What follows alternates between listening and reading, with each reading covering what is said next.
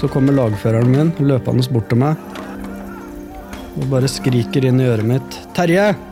Jeg har skutt og drept to personer. Ja, det er mottatt, sier jeg. Våre historier, en podkastserie fra Forsvaret.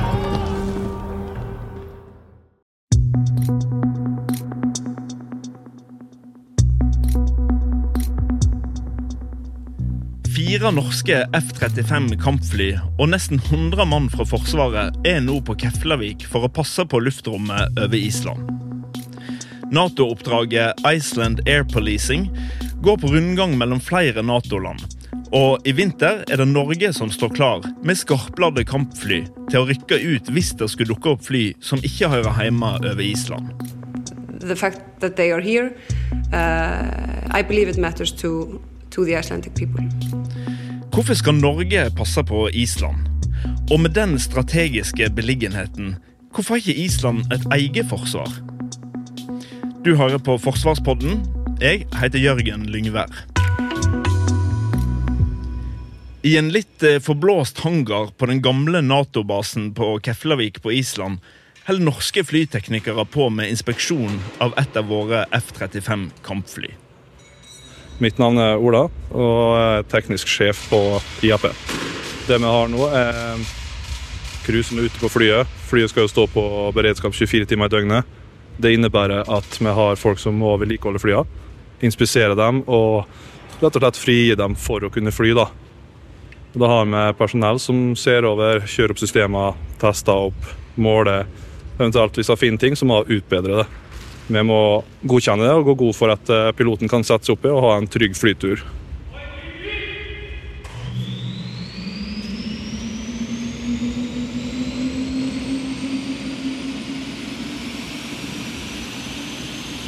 Eh, Det er jo en eh, startmotor. Vi starter ikke opp selve motoren på flyet nå. Den er for at vi skal kunne forsyne med strøm og kjøling for å ha opp systemet og kunne teste og verifisere at det er i orden.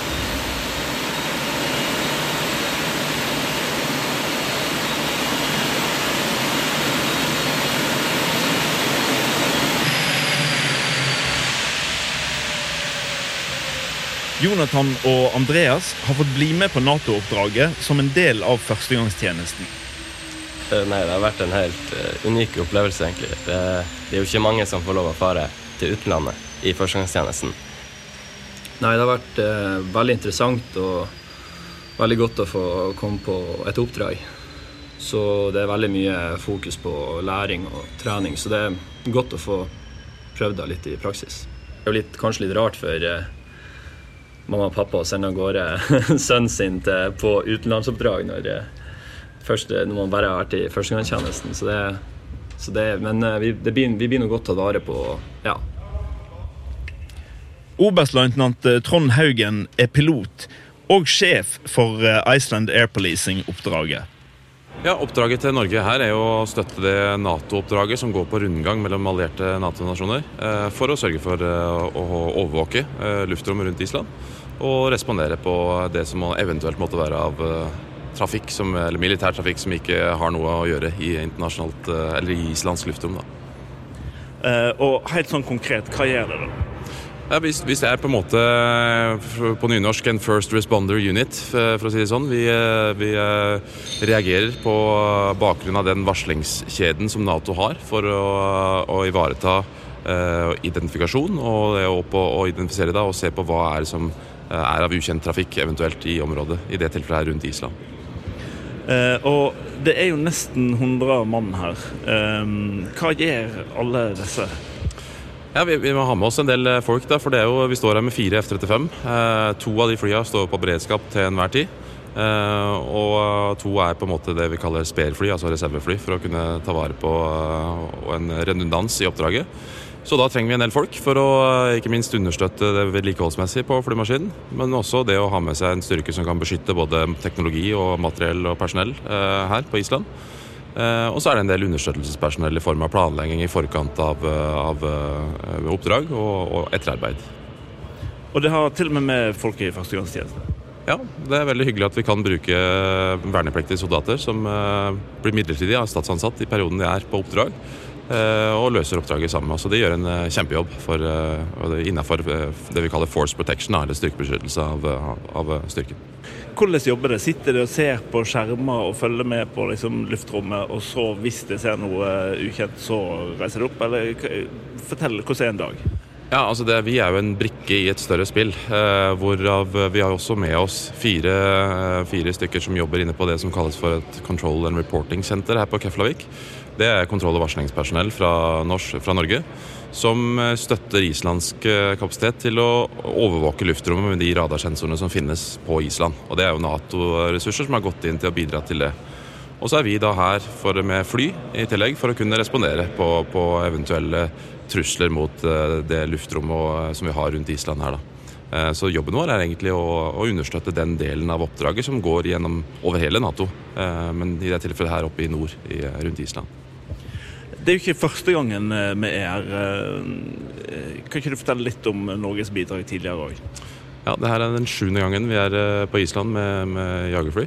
Vi har vært her tre, eller det er den tredje gangen vi er her med F-35. Um, så vi begynner å bli litt uh, godt kjent på Island. Og vi er jo litt sånn uh, samme kultur. Selv om vi ikke snakker samme språket, så er vi jo litt uh, samme kultur.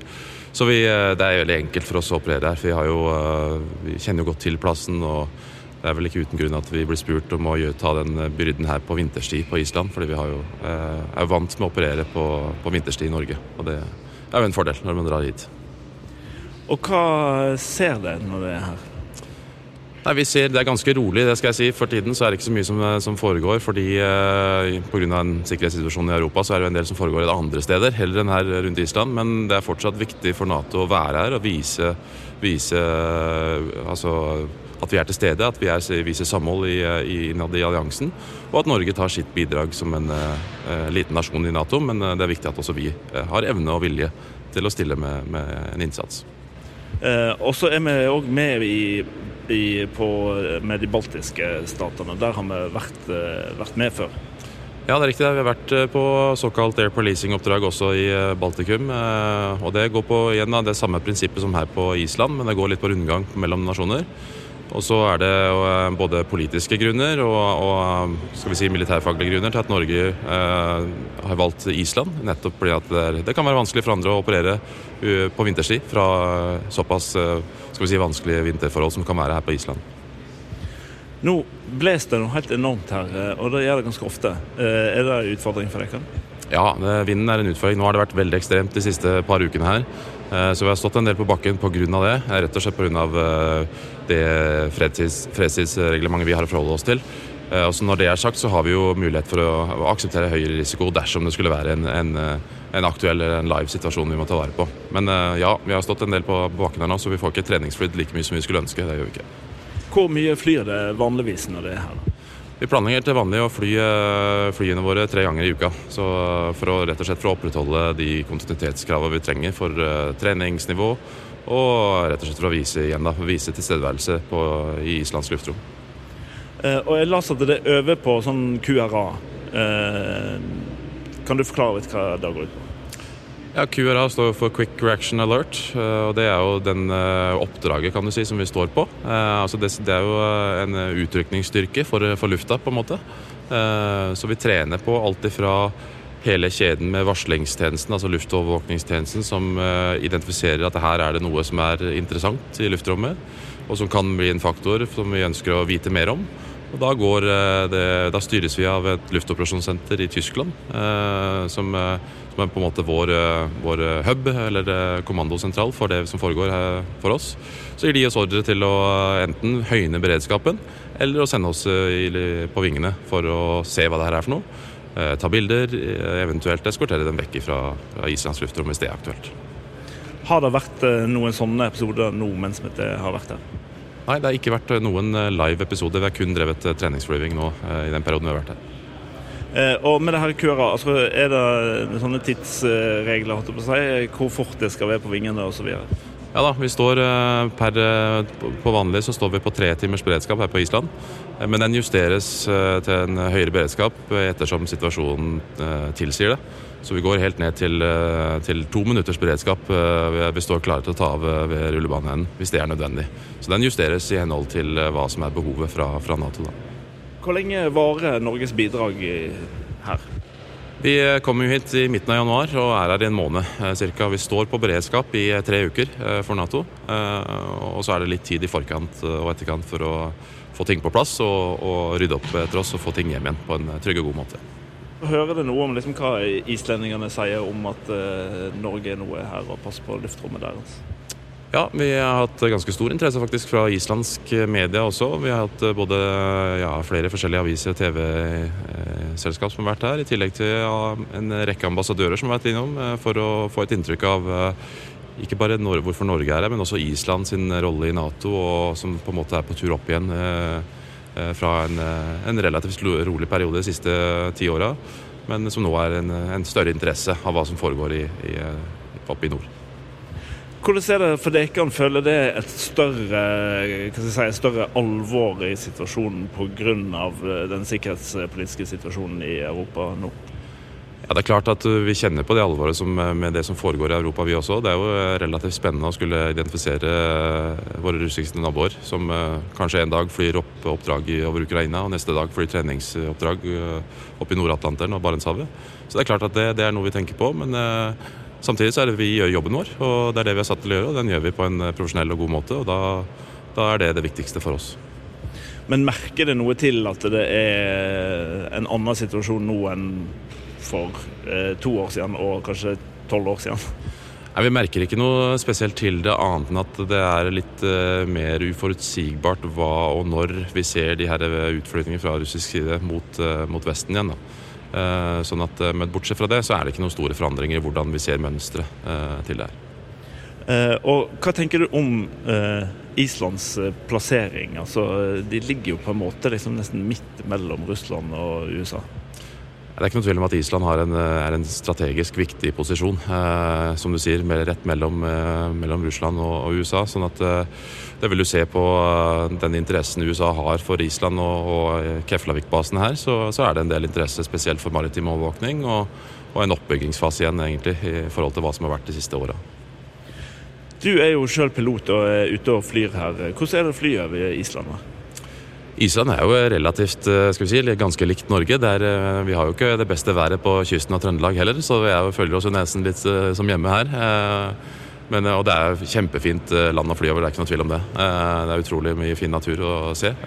Og så er det som, det er jo ikke, Vi flyr jo ikke rundt bare for å se på natur. Vi altså Oppdragene våre er jo noe helt annet. sånn at Vi gjør treningsoppdrag og trener på de tinga vi skal være gode på. Så det er det fokuset går på. Det, altså, vi har jo nå operert uh, F-35 i Norge i fem år. Uh, og i det siste året så har vi jo også operert ut fra Evenes med en tilsvarende beredskapsstyrke som vi har her. Uh, og en av de tingene som gjør at vi kan operere tryggere enn andre på skal vi si, glatte og isete rullebaner, er at vi har en bremseskjerm på flymaskinen. Som enn så lenge bare Norge har på F-35. Og det hadde vi jo også på F-16 tidligere. Så vi har god erfaring med å kunne operere på vanskelige forhold på vinterstid. Og det hjelper den, eh, den bremseskjermen hjelper oss mye til å, til å kunne mitigere de risikoene som, som ligger i, i, å operere på glattbane. Islands utenriksminister Thordis Gylvadottir sier at det betyr mye at Norge er på Keflavik for å passe på luftrommet over Island. Well, it, it, it obviously means a lot because uh, NATO's air policing mission is an integral part of uh, NATO's presence in the North Atlantic and the High North. And it sends a very clear message uh, of NATO's, you know, capabilities and commitments.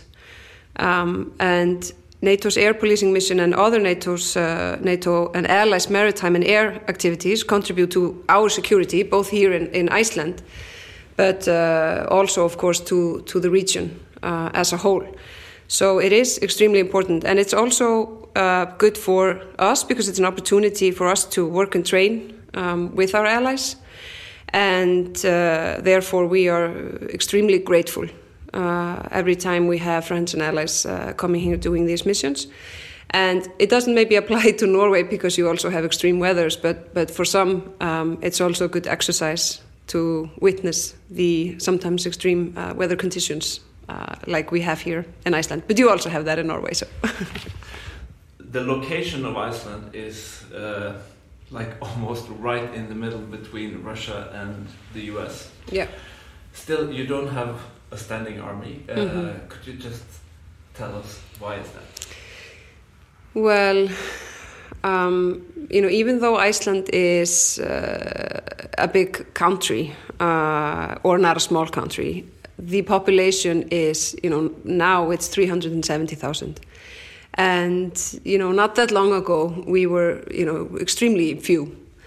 Um, and we have never had an army, but we are a founding member of, of NATO. And so since 1949 and since 1951, we've had bilateral uh, defense agreement with the United States.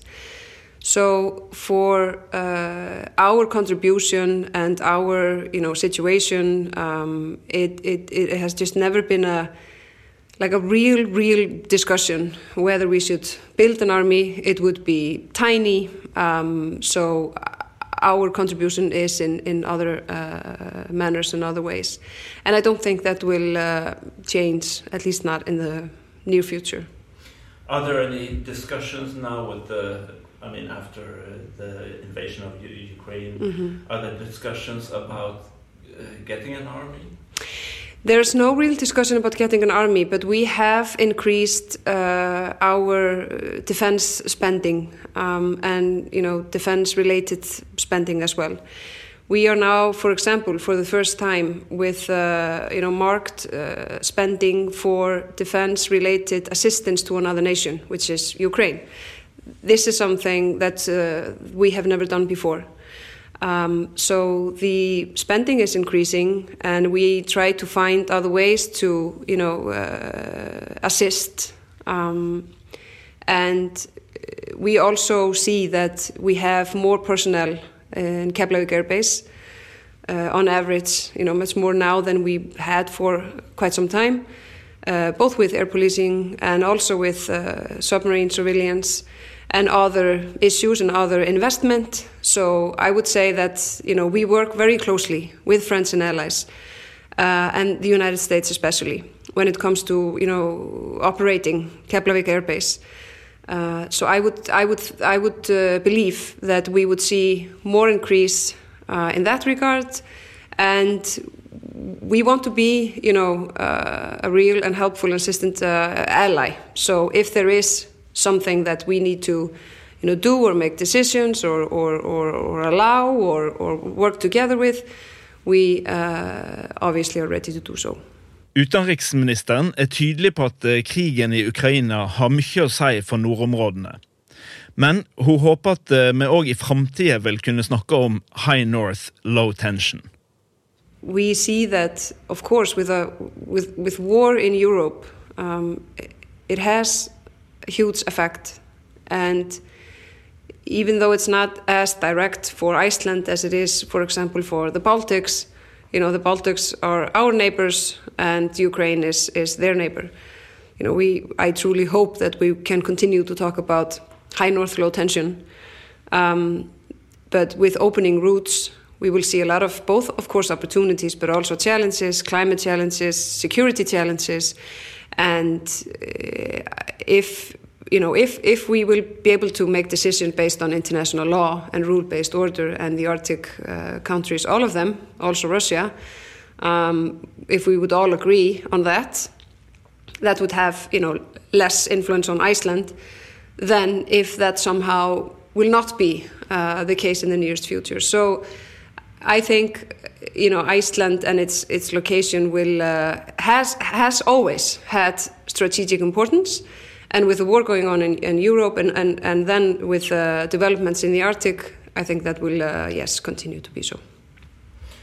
Uh, do you think uh, most Icelanders do they know that Norwegians are here with uh, F-35s?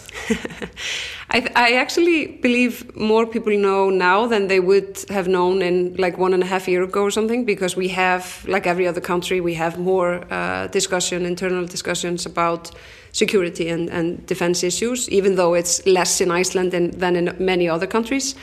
Uh, and also because it's Norway, you know, it's uh, it's it's our one of our closest friends uh, and, and, and allies, and therefore it's you know it's in the news.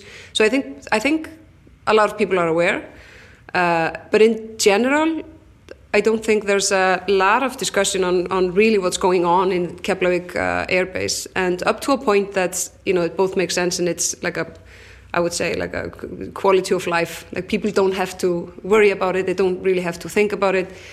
But we try to lift when we have friends and allies coming here, you know, assisting us. Of course, they're you know contributing to the region but also uh, increased awareness for, for us here in Iceland. So we are grateful and we are thankful, and, and we want people to know that you know this is not a given, and it, is hard work. Um, and we know you know that the fact that they are here, uh, I believe it matters to to the Icelandic people. Du har hørt på Forsvarspodden. Hvis du abonnerer på oss, kommer det en ny episode hver fredag på telefonen din.